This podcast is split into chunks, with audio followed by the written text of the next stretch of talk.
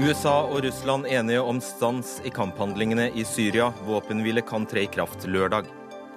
Arbeiderpartiet vil at regjeringen skal jobbe for en atomfri verden, og regjeringen lurer på om Arbeiderpartiet dermed bryter Grunnloven. Britene skal stemme over om de vil ut av EU på sankthansaften, dagen da orden og høytid kolliderer med uorden, galskap, bålbrenning, spill og drukkenskap.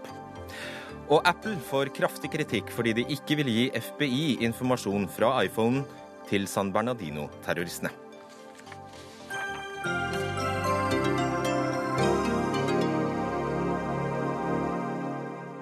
Riktig god kveld og velkommen til Dagsnytt 18. Jeg heter Fredrik Solvang. Ja, For en times tid siden tikket inn eh, meldinger om at USA og Russland nå har inngått en avtale om å stanse luftangrepene i Syria.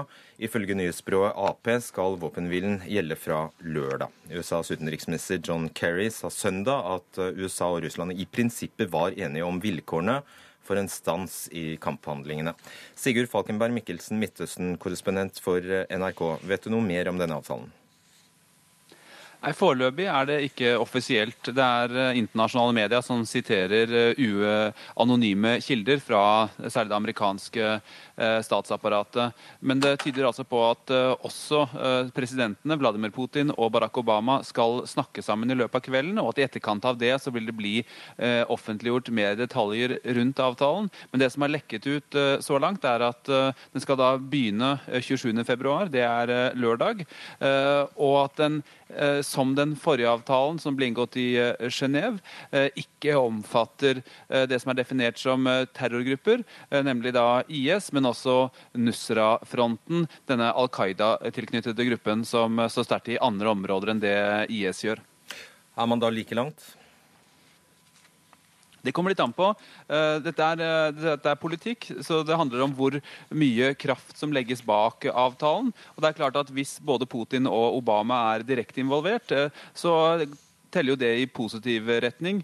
Eh, det, det at man har så tydelig ekskludert eh, f.eks. Eh, Nusra-fronten, gjør at man er litt i dette samme uklare lendet som man også var med Genéve-avtalen, nemlig at frontene er, glir over i hverandre, og man kan fort fortsette bombingen under dekke av å, å hevde å bombe Nusra-fronten. sånn at dette er fortsatt veldig mange problemer på bakken knyttet til dette. Og så vet vi heller ikke i hvilken grad opposisjonsgruppene er involvert i avtaleverket, eller Assad-regjeringen for den saks skyld. Cecilie Hellestveit, seniorrådgiver i eh, ILPI. Hvordan tolker du, hvis vi tar det for god fisk at eh, dette nå er en enighet, hvordan tolker du en slik enighet? Dette er jo det man på en måte har ventet på eh, den siste uken. Fordi russerne og amerikanerne har sammen ledet en sånn task force som skulle på en måte se hvordan man klarte å forhandle nå i disse dagene, eller den uka som har gått. Eh, og det har kommet en del signaler de siste dagene som har tydet på at nå er det kanskje et gjennombrudd her. Og, så dette var ikke veldig uventet som sådan. Spørsmålet er jo eh, hvor store eh, grupper på begge sider er det som nå bindes til denne masten. Nusra og ISIL er ikke med, det har vært på en måte rammen hele veien. Men det er andre grupper som kanskje nå har blitt tatt med på eh, dette løpet. Det har også kommet en del sånne klare signaler, f.eks. fra russerne overfor Assad-regimet, når han har sagt at ja, vi ser for oss at vi skal gjenerobre hele det syriske territorium, hvor russerne har gått ut også offentlig og sagt jo, jo, men ikke med vår hjelp.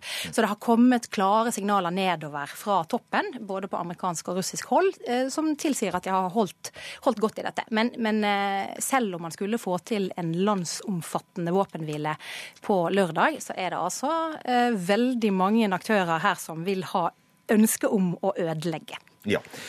Fatima Mikkelsen, Helsveit nevner at flere grupper kan ha blitt tatt med. Hvilke, hvilke grupper er det sannsynlig kan ha blitt inkludert her?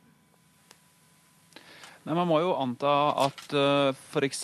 Uh, mange av de uh, tyrkiskstøttede og saudiarabiskstøttede gruppene da er involvert i, den, i disse. F.eks. Ahrar al-Sham, som også er islamistgrupper, men da støttet av Nato-allierte eller Nato-land som Tyrkia. Men som også er viktige spillere på opposisjonssiden. Og så er det også spørsmål om kurderne denne gangen har fått lov til å være mer direkte ved, med ved forhandlingsbordet. Hvor sannsynlig er det, Helseth? Altså, eh, det er mange forskjellige strukturer her nedover. Man har hatt de organisasjonene som har slåss på bakken i mange år. Det siste året har det endret seg en del, på en måte hvem som er alliert med hvem. Og de, bare de siste to ukene, altså etter man så at nå er det en prosess på gang, så har det også skjedd en del ting. Eh, så selv om man får med Ahrar Sham, så er jo spørsmålet under hvilken struktur, og hvem er det som da er, skal vi si, anses som medlemmer i Ahrar Sham. For det er et faktum at det å ekskludere Nusra det er et problem. For mange av de som er i Nusra i dag, det er syrere som ikke kanskje sånn opprinnelig har en Al Qaida-ideologi, mm. og som også kommer til å bli værende i Syria i fremover. Og det å ikke ta med seg mange av de er en, et problem. Så spørsmålet er nå hvor stor er Nusra i dag? Er det plutselig en veldig mye mindre organisasjon enn det var for tre måneder siden? Mm. Vi skal ha med oss deg også, Anders Tvegård, USA-korrespondent for eh, NRK. Hva, hvorfor er det viktig for USA å få på plass en slik avtale?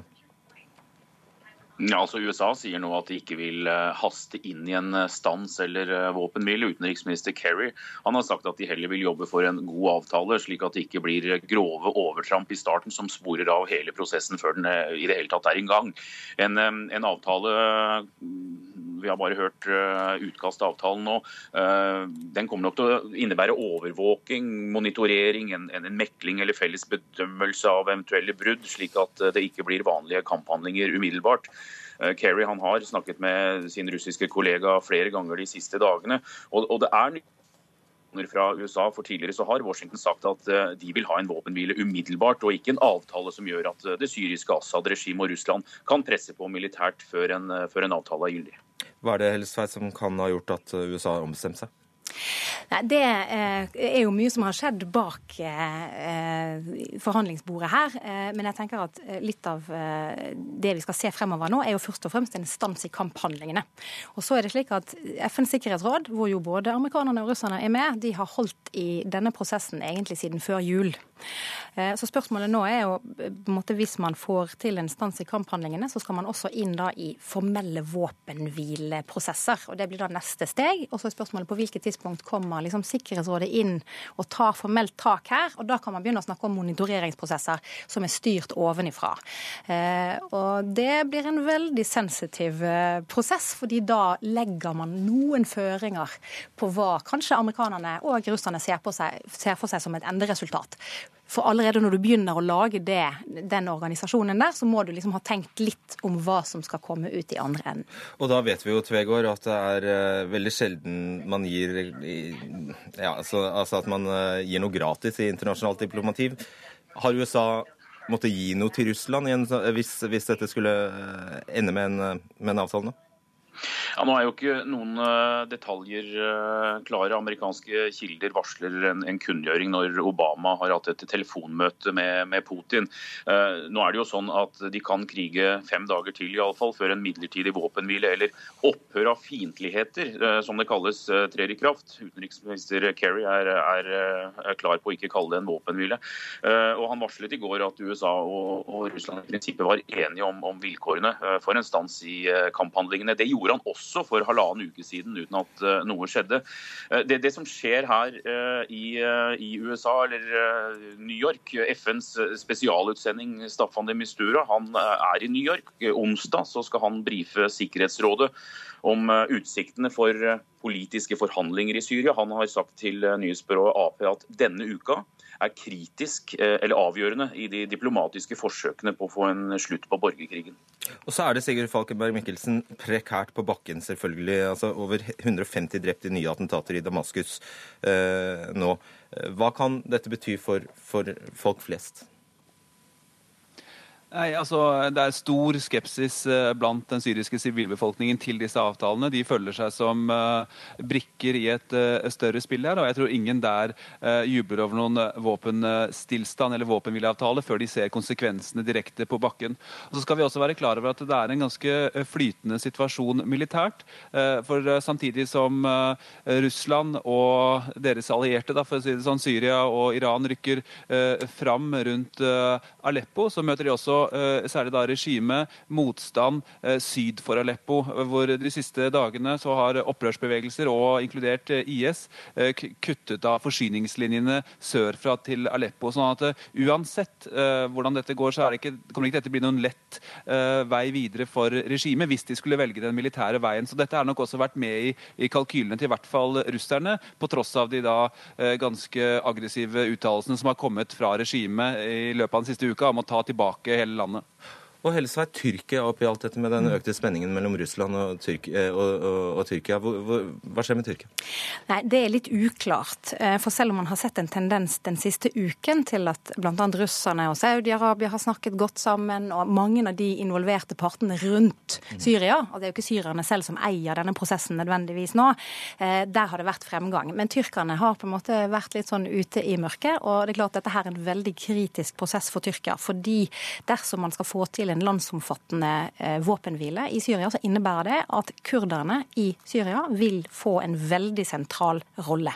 De arbeider tett sammen med både amerikanerne og russerne. Og det er en stor utfordring for Tyrkia, slik det ser ut politisk internt i Tyrkia, men også Tyrkias interesser i Syria. Så det er på en måte kanskje Tyrkia som er en av de virkelig vanskelige aktørene å få med seg her. Og bare avslutningsvis, hva var det dere sa? At kamphandlingen kan fortsette i fem dager til i hvert fall? Før noe, eh, før noe skjer helsevett? Ja. ja, frem til, eh, til, fredag. Og så blir det da mm. stillstand fra lørdag av, er det som legges opp til. Ok. Takk skal dere ha. Cecilie Helsveit, Anders Tvegård og Sigurd Falkenberg Mikkelsen. Dagsnytt 18 alle hverdager klokka 18.00 på NRK P2 og NRK2.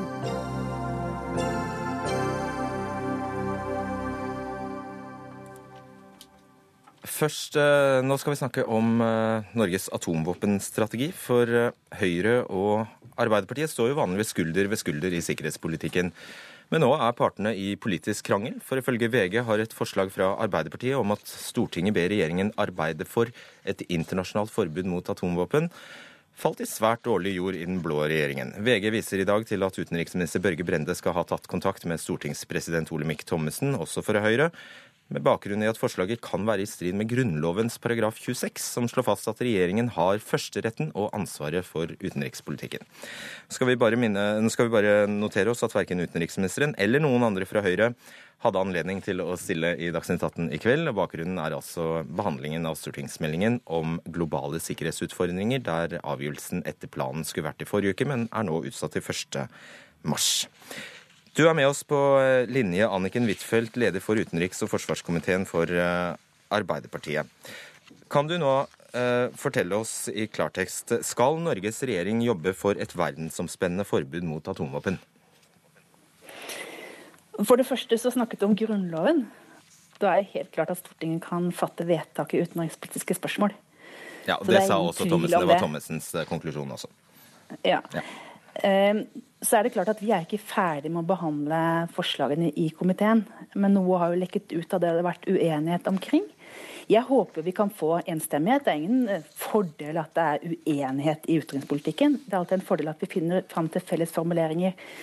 Men eh, det er riktig at stortingsflertallet med også KrF og Venstre, har vært utålmodig når det gjelder denne regjeringens arbeid mot atomvåpen. Stoltenberg-regjeringen tok jo initiativ til at Nato skulle ha en atomvåpenfri verden i sitt strategiske konsept i 2010. Vi tok initiativ til en rekke humanitære konferanser, fordi at vi så stillstand i arbeidet med nedrustning. Men vi mener at dette arbeidet har stoppet opp. Så er jo dette ordet forbud som også har skapt debatt. Mm. Stoltenberg-regjeringen sa jo i sin tid at uh, den ønsket et reelt totalforbud. Uh, det har jo kommet fram at noe av disse formuleringene har vært diskutert også i komiteen, men mye rundere formuleringer om at dette, dette må komme på lang sikt. Men at det er en reell utålmodighet når det gjelder arbeidet mot atomvåpen, det er det helt klart fra stortingsflertallet. Så håper jeg at vi finner fram til felles formuleringer. Det er en fordel for alle. Så det stemmer ikke at Arbeiderpartiet og flertallet altså la fram et forslag om at Stortinget ber regjeringen jobbe for et forbud mot atomvåpen. Det stemmer ikke? Ja, altså Jeg kan ikke kommentere alle de forslagene som diskuteres. Jeg håper som sagt at vi kan få flertall og enstemmighet omkring de fleste forslagene. Men det som er reelt, er at Stoltenberg-regjeringen sa vi ønsker et reelt totalforbud. Så er det enkelte VG-kommentatorer og andre som sier at dette med forbud er ny politikk for Arbeiderpartiet. Det er det ikke, men det er klart at et forbud der ligger langt, langt fram i tid. Det som er viktig nå, er å få nedrustning. Og det er alvorlig, for nå russes det opp, det russes ikke ned. Dette ligger langt fram i tid, men det er et langsiktig mål. Vi vil ja, men, arbeide for ja. at Norge igjen tar initiativ og har ledertrøya i dette arbeidet. Det har jeg skjønt, men jeg prøver bare å finne ut hva Arbeiderpartiets holdning egentlig er her. Uh, Burde da Norge som eneste Nato-land ha stemt ja til FN-resolusjonen i november i fjor, uh, som sa altså, at alle stater har et etisk ansvar for å forby og avskaffe atomvåpen? Burde Norge ha stemt ja til det? Jeg har diskutert det med utenriksministeren tidligere og gitt han råd om å stemme for noen av disse FN-resolusjonene, men ikke for forslaget om forbud. Det er klart at Vi har et veldig sterkt ansvar innenfor Nato. Og det er slik at Nato har jo dette som en del av sitt avskrekkingsstrategi. Men samtidig så har Nato som mål i sitt strategiske konsept at vi skal jobbe for en verden fri for atomvåpen. Og Norge har vært veldig viktig i dette arbeidet, både som et veldig lojalt Nato-medlem, men også en aktiv pådriver for nedrustning. Og det har vært veldig viktig for oss å kombinere denne rollen. Og jeg mener at dagens utenriksminister ikke har fulgt opp dette arbeidet, men i stor grad overlatt det humanitære initiativet til andre. Og det er ikke slik, og bare for å ha det klart, det er ikke slik at Arbeiderpartiet vil instruere regjeringen om hvordan den skal stemme i enkelte resolusjoner i FN? Nei, det ønsker vi ikke. Det er et forhold mellom storting og regjering her. Men det er klart at Stortinget har ansvar for å fatte overordnede politiske målsetninger i utenrikspolitikken. Det må også regjeringen forholde seg til. Hvordan de fremmer disse forslagene, det er et annet spørsmål. Det ligger innenfor regjeringens ansvarsområde. Men eh, det er nok et ganske klart signal til utenriksministeren fra stortingsflertallet om at han må ta et mye mer aktiv pådriverrolle her. Siste spørsmål til deg i denne omgang. Du må gjerne bli med oss videre, men siste spørsmål til deg i denne omgang. I juni i fjor stemte altså Stortinget eh, over et forslag om at Norge skal jobbe for en bindende avtale som forbyr atomvåpen, men at Norge skal være en pådriver i det internasjonale arbeidet mot atomvåpen og arbeide for et langsiktig forbud. Var det dere bestemte da. Annet enn gjennom festtaler, hvordan skal regjeringen formidle dette synet? De må jo ta en aktiv pådriverrolle, da. De må fremme resolusjoner i FN. Det har ikke denne regjeringen gjort. Og kanskje nettopp spille den nøkkelrollen som Norge kan spille. Både som et aktivt og lojalt Nato-medlem, men samtidig pådrive arbeidet for nedrustning. Eh, da dette var oppe i FN, så stemte Norge stort sett avholdende mot det meste, og var ikke den aktive pådriveren eh, som eh, vi har vært i dette arbeidet. Okay. Hanne Skvarteit, politisk redaktør i VG. Hører du et linjebrudd fra Arbeiderpartiet her? Jeg hører at Anniken Huitfeldt har tenkt seg om i løpet av dagen. Jeg syns hun er noe mer moderat i uttalelsen enn det vi har hørt henne tidligere. Men hun holder jo fast på at Norge burde ha stemt motsatt av alle andre Nato-land sist FN behandlet disse spørsmålene. Ja, Var det det hun gjorde nå? Eh, ja, Hun står jo fast på sin anbefaling fra den gangen om at man skulle stemme annerledes. Det som er kjernen i saken her, er at Arbeiderpartiet ønsker at Norge skal opptre helt annerledes enn alle andre Nato-land. Det er kjernen, og det er det alvorlige. Og Er ikke det egentlig bare nobelt å ønske en atomfri verden, som, som hun påpeker også en Nato har gjort, men å ta, samtidig ta konsekvensen av at vi ikke er der? Jo, jeg tror alle ønsker i prinsippet at det skulle være en atomvåpenfri verden.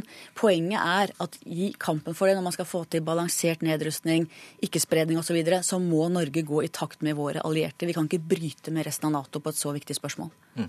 Lars Nehru Sand, politisk kommentator her i NRK. Nå er det slik, Selv om de ikke er til stede, så er det slik at Høyre og Frp eh, mener Arbeiderpartiet hauser dette opp. Kan de ha noe rett i det? At Arbeiderpartiet har satt opp eh, altså Arbeider... Nei, hva sa jeg nå? Det er omvendt.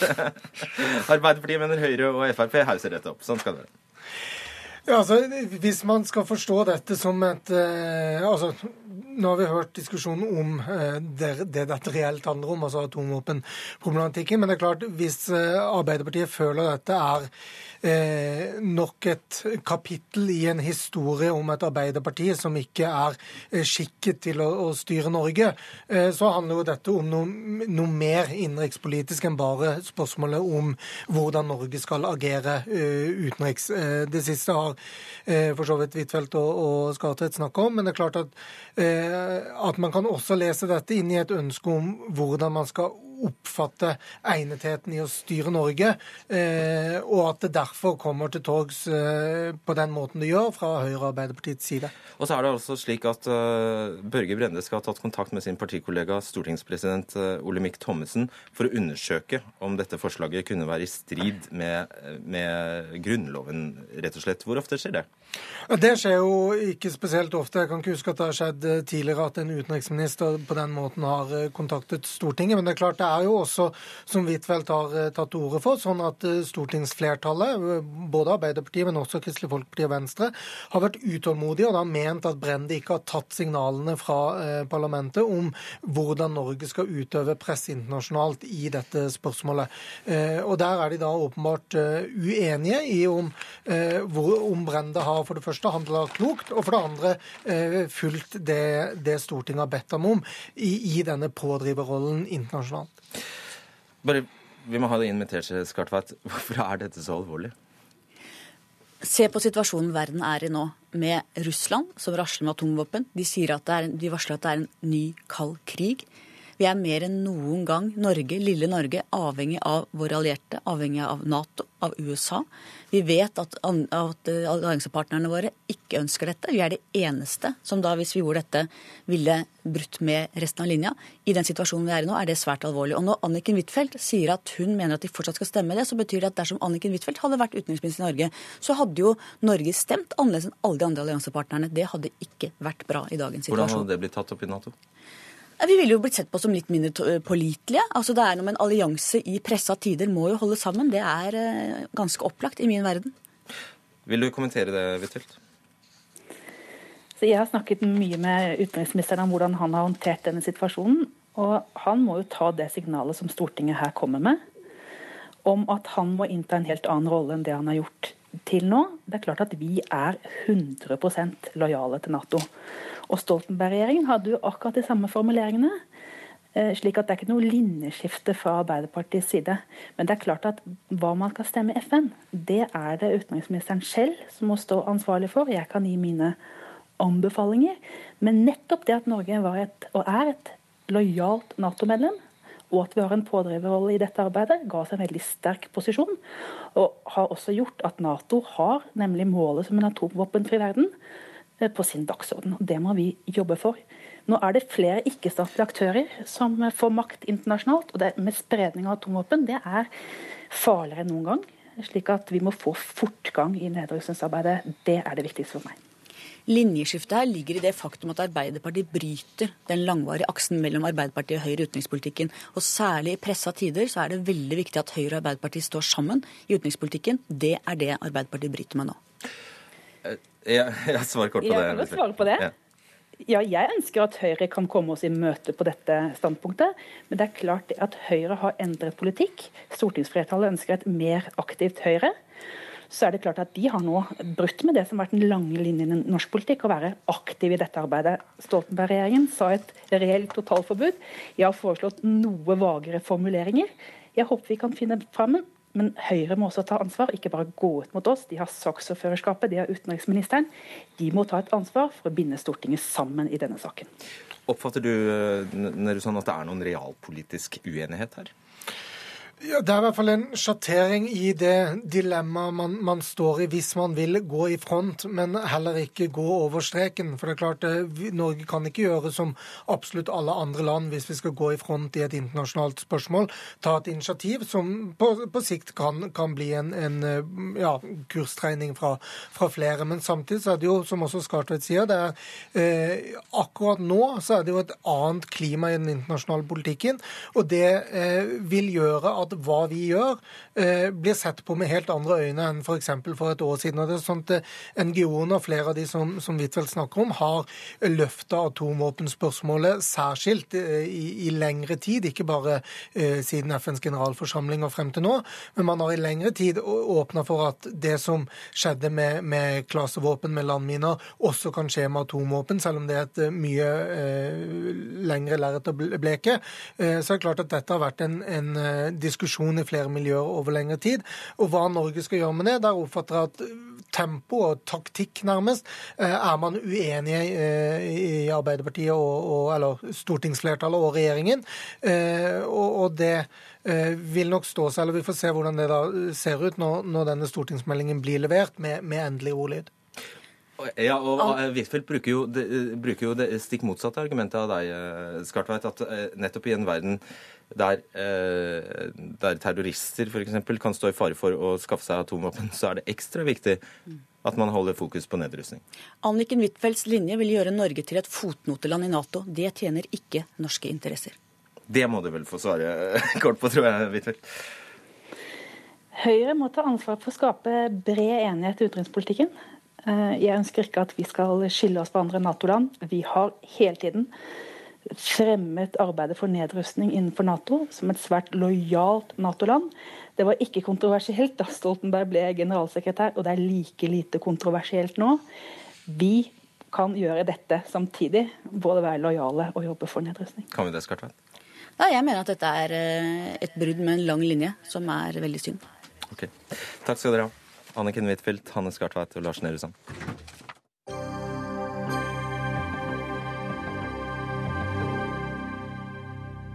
Storbritannia står eh, splittet etter den nye medlemskapsavtalen ble ferdigforhandlet eh, i Brussel fredag kveld.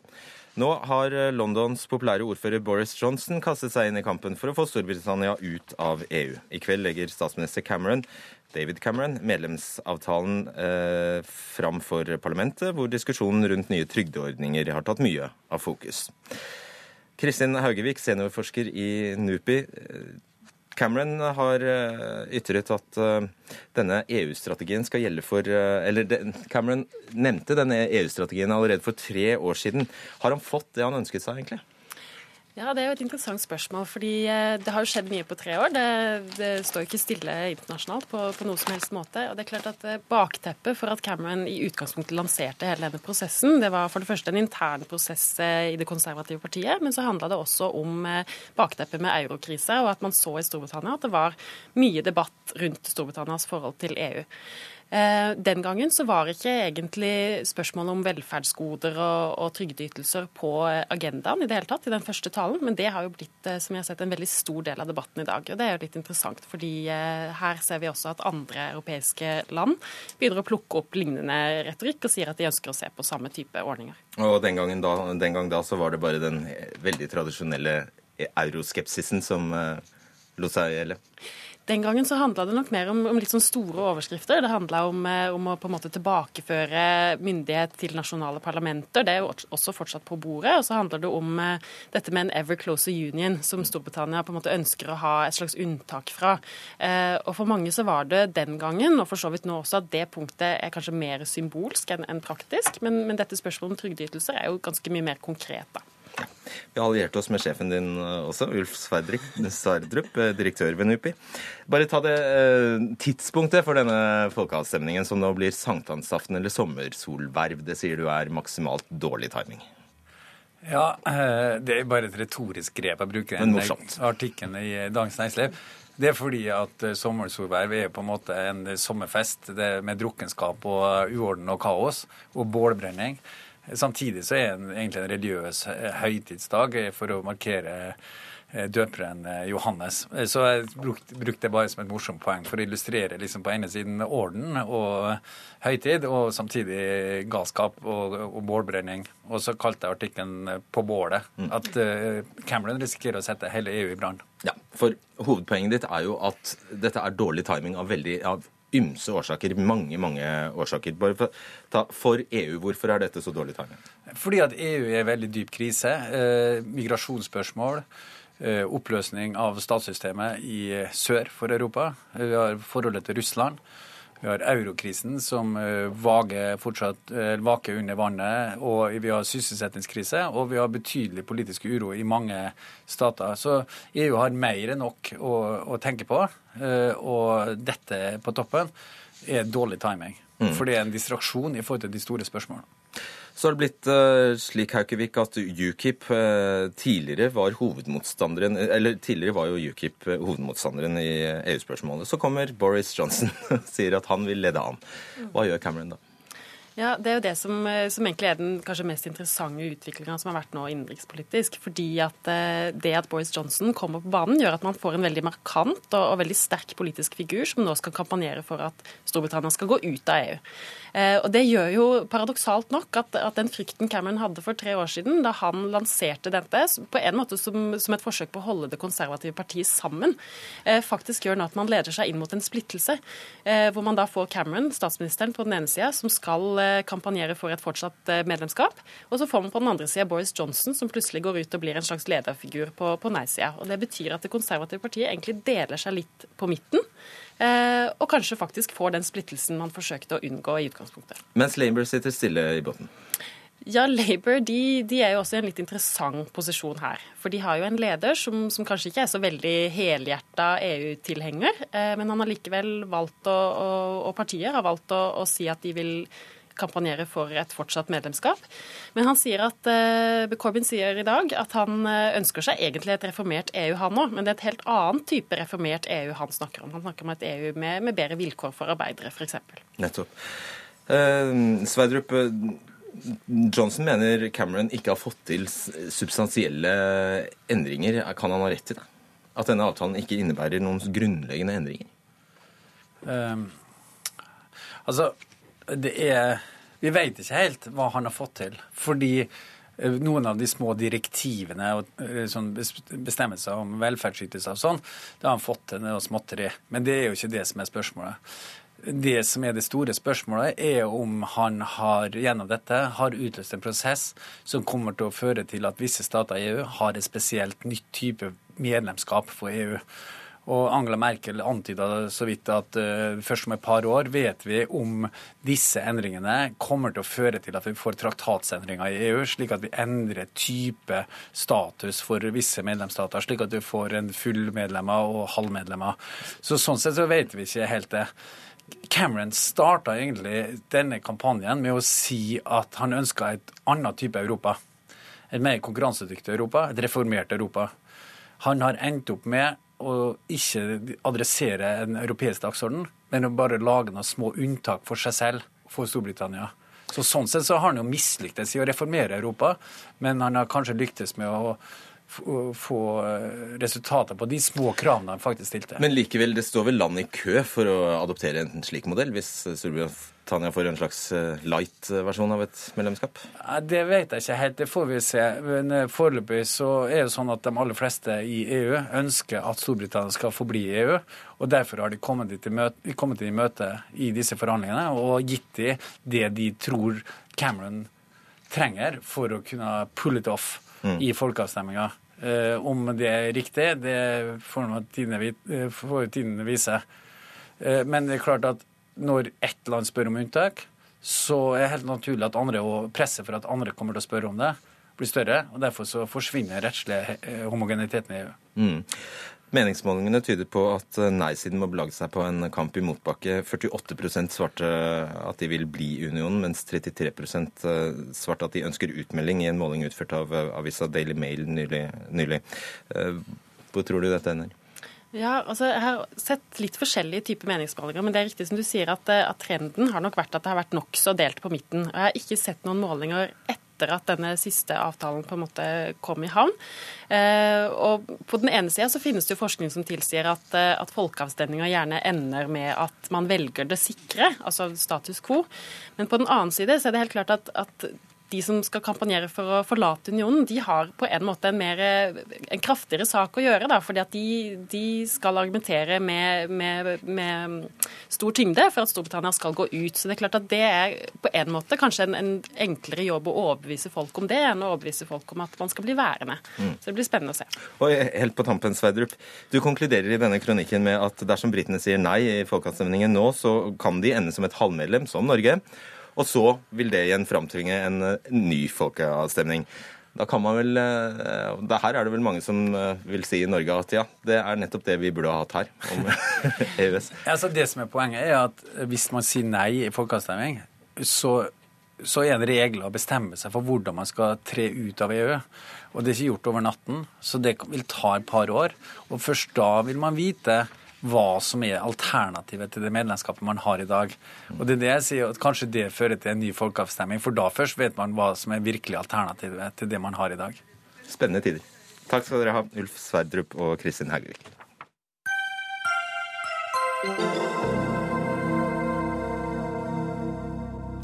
Kutt, kutt og atter kutt. Hundrevis av jobber forsvinner som følge av den pågående avbyråkratiserings, eh, avbyråkratiseringsreformen i offentlig sektor, skriver Dagsavisen.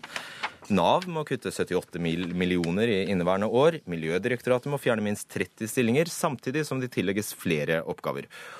Målet er effektivisering, men Anders Kvam, leder i Akademikernes stat, dere mener regjeringens kutt både er feil og farlig medisin. Hvorfor det? La meg begynne med at eh, vi også mener at man skal effektivisere, og at statlig sektor kan effektiviseres. Bare på andre måter. Men eh, det å bruke generelle sjablongmessige kutt, det er feil måte å gjøre det på. Eh, skal man ha, oppnå det man ønsker her, så må man inn med mer målretta tiltak. Som f.eks.? Vi mener at uh, dette skal løses lokalt, mer lokalt, og at man må ha en Vi kaller det gjerne en tillitsreform i, i, i offentlig sektor. I det så ligger det at eh, politikere kan nøye seg med å prioritere, og at uh, oppgaveutførelsen skal skje gjennom at virksomheter og ansatte i større grad uh, får frihet. Ja, men Det er jo akkurat det som skjer nå. Regjeringen sier kutt 0,6 mm. eller 0,7. Ja. Løs det der nede. Men det skiller overhodet ikke på hvor det er noe å kutte på? Kutte i, eller der hvor det er noe å hente. Eh, så det er, hvor er prioriteringen i det, er vår problemstilling. Mm. Pål Bjørnestad, statssekretær i Finansdepartementet for eh, Fremskrittspartiet. Eh, dere, kan, du, kan, du, medgi at det er sjablongmessig? Det kan du vel i, i det minste medgi? Ja da, det er riktig. Og at det dermed kan treffe skjevt? At det kan treffe etater som trenger det motsatte? Altså Jeg er helt enig i det at eh, det holder ikke bare å, eh, å gjennomføre denne avbyråkratiserings- og effektiviseringsreformen. Vi må også kutte der hvor det er spesielt stort grunnlag for det, og det har vi fremmet forslag om. F.eks. når det gjelder å statliggjøre eh, den kommunale eller skatteoppkrevningen. Der kunne vi gjennom den reformen ha spart 30% av de ansatte. Vi kunne gjort den jobben med 30% færre ansatte, og allikevel styrket Vi har tapt den saken, men vi har også fremmet en rekke andre forslag. Vi jobber med en kommunereform. Eh, vi jobber med, vi har etablert et veiselskap. Alt for å få effektivisere. Så holder, jeg er enig i det. Det holder ikke bare å gjennomføre avbyråkratiserings- og effektiviseringsreformen. Men vi tror, på samme måte som i privat sektor, at det er produktivitetsvekt fra år til år, så er det det også i offentlig sektor. Og spesielt hvis de får insentiver og et klart budskap om at hvert år så må de klare seg med 0,5 eller 0,6% mindre ressurser. Gi noen eksempler som du mener da bare er riv ruskende gærne. Altså, ta det først. Eh, jeg vil ikke kalle kutt for insentiver. Jeg er enig i at insentiver virker. Eh, insentivene skulle være at man eh, får, får i gang tiltak som man faktisk lykkes med og sitter igjen med noe, en gevinst av det, i virksomheten. Som man da kan bruke til ventende oppgaver og det som er altså oppfyllelse av målsettingene. Så det du sier nå er at det som skjer nå er rent jo, destruktivt? Bare ja, destruktivt? Altså, ett år med 0,6-0,7 kutt i seg selv, eh, det gjør ingen kjempeforskjell som sådan. Men det at dette kan tyde på at det blir en langvarig altså en standard måte å gjøre det på, mener jeg er en farlig vei. Eh, det er jo flere eksempler i Dagsavisen i dag hvor du ser at eh, dette medfører også 120 stillinger i Nav, 30 stillinger i Miljødirektoratet. Er det en riktig prioritering? Eh, at Nav skal kutte i stillinger når de har eh, tiden, altså Det er lenge siden vi har hatt så mange arbeidsledige. Et annet Gevinstene. eksempel er jo Helsedirektoratet, som har est ut til 900 ansatte, som har kutta 20, eller hva den har. Ja, og så kan du jo selvfølgelig ta en debatt hvor stort skal Helsedirektoratet være. Eh, men, men, den må begynne med hvilke oppgaver skal de være der for. og det er der jeg savner det. Altså, hvor blir det av politikerne i det? Det lukter jo litt av latskap, da. Nei, vi, vi, vi, gjør dette, men vi gjør også mange andre reformer i tillegg til dette. Men altså, eh, det er jo hele Poenget her er jo nettopp at vi skal prioritere pengene mot de områdene vi ønsker å prioritere. Da lar vi ikke bare den effektiviseringsgevinsten og produktivitetsveksten bli værende i etatene, men vi tar det inn til fellesskapet, og så bruker vi det til å finansiere hva vi mener er viktig F.eks. Sterkere, sterkere satsing på politi, mer til veibygging og vekstfremmende skattelettelser. Disse, disse, denne reformen bidrar til å finansiere de områdene mm. som for oss er politisk viktig. Og så vil jeg gjerne også si at de, de direktoratene som trekkes frem i Dagsavisen i dag, alle sammen har opplevd veldig kraftig vekst i antall ansatte. Miljøverndirektoratet alene har vokst med 151 ansatte fra 2005 til 2014. Vi har lovet at vi skal redusere byråkrati, og at vi skal effektivisere så har vi blitt kritisert av opposisjonen for at antall ansatte vokser, fordi vi ansetter flere politifolk og leger. Men det er ikke det vi har ment med å redusere byråkrati. Men vi, vi vil gjerne da at denne veksten som har vært i sentraladministrasjonen, i Miljøverndirektoratet, ikke skal fortsette. Og denne reformen bidrar til det. Du vil ikke at den skal fortsette? Jeg vil at den skal, ikke skal fortsette, og jeg vil uh, okay, snu den og redusere. Da må jeg bare konfrontere deg med tallenes tale. Altså Fra ja. 1970 til, 19, eh, til, til, 2013 så har antallet offentlige årsverk i snitt økt med 10 000 hvert eneste år, ifølge SSB. Mm. Med dette kuttet på 0,6-0,7 så er det jo ikke sånn at du ikke øker. Du bare demper veksten noe. Så du, du er jo ikke du er veldig langt fra mål hvis det, er det du ønsker er å stanse. Ikke sant? Vi, eh, nå, nå, bruker vi mye mer over offentlige budsjetter. Vi, vi, har, ikke, vi har, aldri tatt til orde for å redusere antall politifolk. Eller redusere antall som jobber på sykehusene. Jeg tror Frp har tatt til orde for eh, færre byråkrater eh, Nettopp, en gang. Men det er jo det vi snakker om her, i direktoratene. Der altså veksten i direktoratene har vært sterkere enn i offentlig forvaltning samlet sett. Det er det Produktivitetskommisjonen har vist til. Eh, det har vi sagt at vi skal revisere, og helst, helst da redusere antall byråkrater i disse. Og denne reformen bidrar til det. Du, du etterlyser forutsigbarhet. Eh, det er jo nettopp forutsigbarhet dere har nå. Dere har en blå-blå regjering å forholde dere til. Dere vet de kommer til å legge inn dette, øke dette kuttet for hvert eneste år. Så nå, har, nå har, vet dere hva dere har å forholde dere til. Det kan du si. Jeg liker at han setter en analogi mot privat sektor. Privat sektor eh, får målsatt produktivitetsveksten sin hvert år, og så tar de den ut. Men den må skapes først. Her eh, begynner man i gæren ende. Altså, det blir ikke produktivitetsvekst av kuttet i seg selv. Det er jo det å klare å levere tjenestene mer effektivt. Men det kan du heller ikke vite. Det er en antagelse du har. Jo, det kan du si. Det, det, kan du si. det henger sammen. Men det er et eller annet man å ta, ta, ut noe man ikke vet er der. Hvorfor ikke altså, benytte han muligheten til å gjøre, ta rev i seilene og si ja, OK, vi nå nå snur vi om dere på bedriften her, fordi eh, mm. vi vet vi får mindre penger neste år og neste år etter det? Jo, men de, lokalt så gjør jo tillitsvalgte det.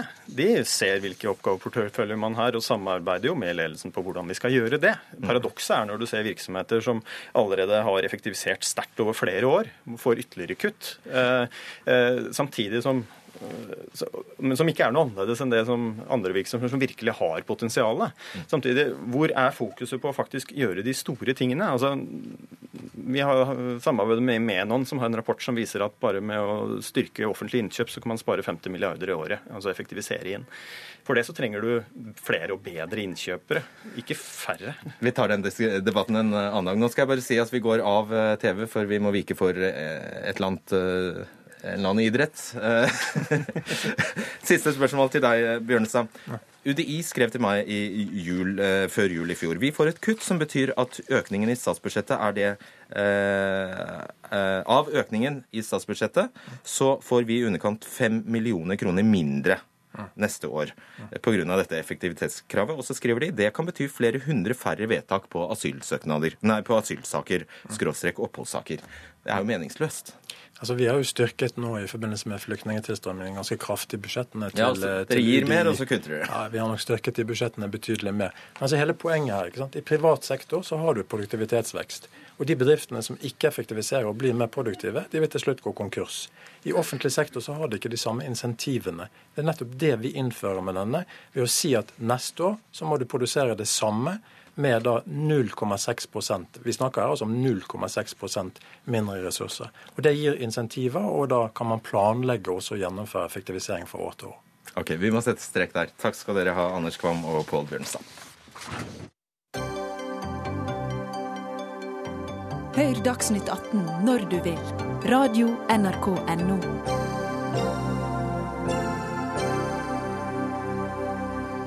Og det jeg glemte å si, var at eh, du da kan følge oss på nrk.no, eller fortsette å høre oss eh, på NRK P2 eller Alltid nyheter.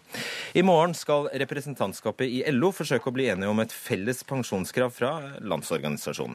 Men det blir ikke helt enkelt. På den ene siden står det mannsdominerte Fellesforbundet, som har fått laget en utredning som anbefaler en innskuddspensjonsordning med en personlig pensjonskonto for alle arbeidstakere. Og på den andre siden står det kvinnedominerte Handel og Kontor, som i stedet ønsker fellesordninger som på sikt også kan bidra til at kvinner får lik pensjon som menn livet ut. Tor Sydnes, du er administrerende direktør i Gabler Investment Consulting og er med oss fra Bergen. Du er medforfatter av utredningen som ble gjort på oppdrag fra Fellesforbundet. Ja.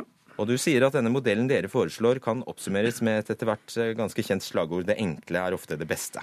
Ja. Hvorfor det? Nei, det er slik at Vi har en innskuddspensjonsordning i dag som, som, har en del svakheter som vi har tatt for oss og prøver å rette litt opp i. Um, vårt forslag går ut på at man har en enkel pensjonskonto som man da har med seg hele livet, på samme måte som en lønnskonto. En konto du får din pensjonspremie uh, inn på, og hvor premien forvaltes ut fra den kontoen. Ehm, og hvis du bytter arbeidsgiver, så tar du med deg kontoen og får ny opptjening inn på samme konto. Så enkelt, så greit. Ja. Og med en sånn ordning, så, eller med en sånn modell, så ligger all risikoen på arbeidstakers skuldre. Det er riktig. Det er akkurat slik det er i dag. Ehm, I dag er det store flertallet av norske arbeidstakere har i dag innskuddspensjon. Og ehm, de bærer da risiko av kapitalforvaltning som finner sted. Men det er en stor svakhet med dagens system, hvor det er arbeidsgiver som bestemmer hvor pengene skal forvaltes, og hvilke produkter arbeidstaker skal tilbys for å forvalte den kapitalen man har i innskuddspensjon. Ja, For det vil Men, dere endre? Det vil vi endre. Fordi det er arbeidstaker som bærer all risiko, og det er arbeidstakers pensjons Nivået på pensjon avhenger av avkastningen du oppnår gjennom karrieren. Så bare for å, ja, Dere ønsker altså, en, de, Dette vil kreve en lovendring, og dere ønsker egentlig da at, man, at uh, hver enkelt uh, arbeidstaker skal kunne bestemme, bestemme ja, hvor ja. man skal plassere penger, og hvor mye man skal avsette. Ja, og risiko på, og risiko. på investerings, eh, altså investeringene. Ja. Jon Hippe, forsker i Fafo, du har skrevet en annen utredning. Den var for eh, Handel og Kontor og Virke, og den handlet om tjenestepensjon. Og selv om dere da ikke kom med like klare anbefalinger som, eh, som Gabler-utvalget, så kan man vel driste seg til å si at dere har et nokså annet syn på pensjon? Ja, altså Jeg har ikke noe forslag, eller har ikke fremmet noe forslag. Vi utreder for partene for å gi dem et faktagrunnlag. Så du kan si at det har gitt meg en innsikt i hvordan kanskje fagbevegelsen særlig tenker. Og det vi kan eh, vel nå si, er at uh, dette blir nok Gablers forslag. Alt tyder jo på at uh, LOs representantskap i morgen kommer til å gjøre et enstemmig vedtak om sitt krav i lønnsoppgjøret, hvor det ikke blir noen henvisning til den typen løsning. Legges i skuffen? Det gjenstår jo å se. Vi får vente til i morgen. Men, men i hvert kilder, fall jeg skulle tro at LO kommer til å peke i en annen prinsipiell retning enn det vi nå hørte beskrevet. Og hvorfor det? Ja, Det er jo mange grunner til dette, her, så det er jo komplisert. ikke sant? Men det, det lyder jo veldig fint når man sier at vi har, eh, skal få én konto, og den skal vi ha livet ut. Altså, poenget er at eh, alle pensjonsordninger har en konto, så det er allerede en konto. Det er liksom ikke noe nytt i det hele tatt. Men den kontoen man har hos den aktive arbeidsgiveren, den du har hos NRK, den betaler NRK kostnadene for. Og når du slutter i NRK, så får du pensjonsbevis, og da betaler du selv. Det skaper problemer for eh, bl.a. jobbskifte. Du taper på å bytte jobb ofte. Eh, det Gabriel har sagt, er at da kan vi gjøre det sånn at hvis du har bare én konto, så kan du selv betale alle kostnader, eller det kan være frivillig for arbeidsgiver til å betale inn deler av det. Og, klart, og dette er mye penger, altså rundt regna en milliard i året. Og da ble jo mange LO-forbund, og ikke minst kvinnene kvinner i varehandelen og sånn, bekymret for at dette skulle bli en sånn B-ordning, hvor folk skulle få enda dårligere innskuddspensjonsordning enn det de hadde i dag. Så Hvorfor det skulle det følge? Jo, fordi da ville arbeidsgiver rundt omkring hvor de ikke hadde en sterk motpart eller tariffavtale, rett og slett si at ja, men da betaler ikke vi kostnadene lenger, det gjør du som individ. Så Det var liksom en, en, hovedgrunn til at eh, mange ble umiddelbart veldig bekymret for at dette var en kostnadsovervelting fra arbeidsgiver til arbeidstaker. Har dere tenkt på det? Ja, det er ikke ment, og det er ikke sånn rapporten er utformet. Det er slik at arbeidsgiver betaler kostnaden for den ansatte i den perioden den ansatte er ansatt og aktiv i ordningen hos en arbeidsgiver. Ehm, og da er det slik at Fordi denne kontoen er større enn arbeidsgivers andel av pensjon, så betaler arbeidsgiver kostnadene som en prosentandel av premien. Men dette skal ja, altså kunne avtales? Nå, nå, blir dette, ja. Nå er ikke sånn som krangler om hva som står eller ikke står. Jeg, jeg, jeg kan iallfall si hvordan det er oppfattet. Nå har jeg jo lest rapporten også. Der er det foreslått et veldig begrenset system og det er et 'kan' som står i rapporten. Og Det har i hvert fall blitt oppfattet som at dette kan være en voldsom overføring fra arbeidsgiver til arbeidstakere. Det andre problemet her er jo at selve det å bryte opp, det at det er bedriften eller fellesskap som kjøper inn og skaffer best mulig priser og gjør dette effektivt på, på alle vis, å erstatte det med at hver person skal nå ut i markedet og ordne dette alene. Individualiseringen det bryter jo grunnleggende med det mange mener er en, en god løsning, og som er dagens system i tjenestepensjonsmarkedet. Og det går på selve innretningen, hvor det har vært stor, til dels veldig stor skeptisk i fagbevegelsen for å individualisere et klassisk kollektivt system. Ja, Men nå er det slik at um, eh, 1,2 millioner arbeidstakere har denne pensjonsformen i dag. altså To tredjedeler av alle alle arbeidstakere har innskuddspensjon i dag. Og den er ikke kollektivt innkjøpt. Den er innkjøpt av hver enkelt arbeidsgiver. Ja, men og så er det sånn at feil, Noen altså, arbeidsgivere er veldig store, og noen arbeidsgivere er veldig små. Det heter lov om kollektiv tjenestepensjon, og kollektiv i Norge er hver arbeidsgiver. Og så I tillegg går arbeidsgivere sammen i innkjøpsfellesskap, så da blir jo kollektivet større. Og Poenget er at de kan binde bedriftene og handle i bulk. Og Dermed har NHO bl.a. fått mye billigere priser enn den enkelte arbeidsgiver. og Det er det man er redd for, at det skal oppløses når man individualiserer. Ja. Dette tror jeg ikke det er noen fare for. For vi kan, ja, men vi kan se på den, Hippe, vi kan se på den andre siden hvordan arbeidstakere kan organisere seg. Danske Bank har nettopp vunnet et stort anbud til akademikerne om boliglån. Jeg tror det var ganske hard konkurranse om å få den avtalen med akademikerne. Tilsvarende kan man tenke seg på innskuddspensjon. Det er ikke noe i veien for at fagforbund kan gå til fellesinnkjøp, hvor de ber om tilbud fra, fra ulike livselskap til å forvalte pensjonsordningen for sine medlemmer. Ja, og Dette er det, den tredje bekymringen som du nå tar opp, som uh, veldig mange forbund i fagbevegelsen har, og som er grunnlaget for det som vel blir vedtaket i morgen. Det er at hvis fagbevegelsen skal forhandle rabattordninger, så er det frivillig. De kan ikke binde sine medlemmer. De kan ikke ta deres konto og plassere den rundt omkring. Og Dermed så blir det eh, sannsynligvis et mye mindre effektivt marked. Og det er jo et stort spørsmål om de helt tatt klarer å få med seg andre, alle medlemmene. For det blir mange andre aktører som kommer til å operere dette nye desentraliserte markedet. Og dette er litt sånn tilbake til sånn 1880-tallet og hjelpekassen i fagbevegelsens historie. Og det sentrale nå er jo tariffavtale som virkemiddel for å få til kollektiv handling. Da. Så, så, dette er helt riktig. Dette er den tredje bekymringen de har. da. Og Sydnes, eh, til slutt, hvor skuffet blir du om det går slik hippe spår at uh, hele forslaget legges i skuffen? Nei, Vi har ingen presisje i forhold til dette. Vi har skrevet denne på, på oppdrag fra Fellesforbundet. og uh, vi ser frem til uh, de vedtakene som kommer fra LO. Ok. Vi får se i morgen. Takk skal dere ha, Jon Hippe og Tor Sydnes.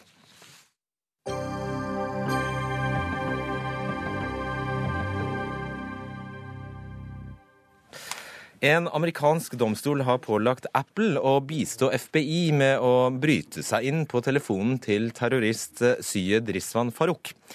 Men Apple vil ikke hjelpe FBI. Farouk og hans kone ble drept av politiet etter å ha skutt og drept 14 personer under en juleavslutning for ansatte i San Bernardino i California i desember i fjor. Kommentator i Aftenposten Joakim Lund, hva er grunnen til at Apple ikke vil hjelpe FBI? Ja, Det er litt sammensatt. For det første har de ikke teknologien til å gjøre det. Det er jo det ironiske her at eh, på slutten av 2013 og utover 2014 så gjorde Apple ganske mye for å bedre sikkerheten for kundene sine eh, i kjølvannet av Snowden-saken.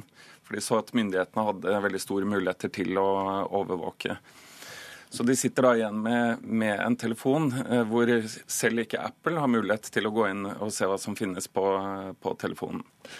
Uh, så det, jo... den dommen, bare for å klargjøre det, det den dommen da egentlig innebærer, er at myndighetene ønsker, myndighetene ønsker at Apple skal utvikle en programvare som gjør det mulig å gå inn? Ja, de, de, vil senke sikkerheten for å øke sikkerheten. Mm. Så det er et stort uh, paradoks der. For uh, Apple er det selvfølgelig kjempedramatisk. De brukte jo veldig mange år på å komme seg inn uh, på det kinesiske markedet, f.eks. Der kom de inn i 2013. og der kjøper kundene, sier de der, Apple veldig mye pga. høy sikkerhet. Fordi de vil ikke bli sett i kortene av myndighetene. Eh, Apple omsetter for 500 milliarder ca. i året i Kina alene. Så det er klart at eh, dersom de åpner en sånn bakdør inn eh, til produktene sine, som gjør at det er mulig å bruke dem til å overvåke, så, så vil det ha mye å si for businessen også. da. Så Apple har frivillig lagt denne informasjonen utenfor egen rekkevidde? Ja, de, de har gjort det. og, og det betyr da at selv om, de, eh, selv om de hadde ønsket, så vil de ikke. Eh, nei, unnskyld. Selv om de hadde eh, kunnet, så, så vil de ikke. Det er der saken står. Hvor havner den da videre i det amerikanske rettssystemet? Nei, mm, Foreløpig har Apple sagt at de ikke vil rette seg etter den dommen. Og så får vi se hvor langt opp i, i systemet dette kan gå. Men de har fått støtte fra egentlig alle de andre store teknologiselskapene. Eh, Twitter eh, var raskt ute, Amazon, eh, Facebook, Microsoft. Så alle liksom på teknologisiden støtter Apple i dette. Er det noe paradoksalt i at det skulle være Apple Apple av alle som påtar seg denne rollen. Altså med alt, Av og til kan du føle deg totalovervåket av nettopp Apple, når du mm. innser hvor mye makt de har over deg. Ja. Det skulle være Apple som setter foten ned. Det er jo litt ironisk, fordi alt vi har fått av eh, nye tjenester de siste fem-ti eh, årene, handler jo i veldig stor grad om at vi gir fra oss eh, personopplysninger, og vi, vi gir noen andre mulighet til å se oss i kortene, i bytte mot tjenester vi veldig gjerne vil ha. Du lever jo oppe i skyen der et sted. Nettopp. Så det, vi, vi, har jo liksom gitt tilliten vår til disse teknologiselskapene, og den er det veldig viktig for dem å beholde. Så det er også en del av bildet. Og frykten i ytterste instans for Apple er? Eh, hva Apple frykter? Hva er det Apple frykter? Nei, eh, altså De frykter jo at de skal være nødt til å, å, utvikle teknologi som gjør det mulig å hacke eh, disse eh, telefonene. For da åpner de altså en bakdør. Det FBI sier, er at de ber dem bare gjøre det i akkurat dette ene tilfellet. Eh, og det Apple sier da, er at men eh, det er det ikke noe som heter. For hvis den teknologien finnes, så vil den alltid kunne komme på avveie og vil alltid kunne misbrukes. Av terrorister, eh, for, for eksempel. eksempel. Mm. Men er, er, det da, er det ikke da paradoksalt at FBI ønsker dette for nettopp å avverge terrorisme? Jo, det er, det er et paradoks. Eh, eh, men det er samtidig eh, egentlig ikke så veldig overraskende. For sånn historisk så ser vi at de initiativene fra ulike nasjoners myndigheter de kommer gjerne i kjølvannet av terrorhandlinger. For da har de opinionen med seg, og det er lettere å få igjennom bestemmelser som gjør at de har større muligheter til å overvåke. Og så er jo også overvåking eh, et helt legitimt verktøy i kampen mot eh, terror. Det er litt viktig å få med. Spørsmålet er hvor vi skal trekke grensene. Og så har dette blitt storpolitikk. Nå har, eh, eller stor og stor Trump har i hvert fall sagt at oppfordrer til boikott av Apple. Ja, ja, han var raskt ute med Hvem tror de at de er, sa han først. Og dagen etter så oppfordret han da til en boikott av Apple til de åpner eller til de gir eh, FBI sikkerhetskoden, som han sa. Jeg tror ikke han helt har skjønt eh, bildet her. Hvor tror du opinionen står? I, ja, det er jo Grunnen til at det kommer nå, er jo akkurat at det er lett å få med seg opinionen etter sånne hendelser. Eh, veldig mange tenker at jeg har ikke noe å skjule, så dermed hvorfor skulle jeg motsette meg at myndighetene får større muligheter til å etterforske. Mm. Og til slutt, hva hvis terroristene bruker Samsung eller HTC? Eh, hva sa du? Hva hvis terroristene bruker Samsung eller HTC? Uh, ja, nei, de kan jo kryptere informasjon eh, likevel, selvfølgelig. Og de ulike terrornettverkene har blitt veldig gode til det etter hvert. Så Apple er ikke noe enestående på den måten. Så det samme vil gjelde dem, da? Ja. Ok. Mm. Fascinerende. Takk skal du ha, Joakim Lund. Bare hyggelig. Du fikk avslutte denne Dagsnytt 18-sendingen som Ida Tune Øresland hadde ansvaret for. I teknikken var Erik Sandbråten, og i studio Fredrik Solvang.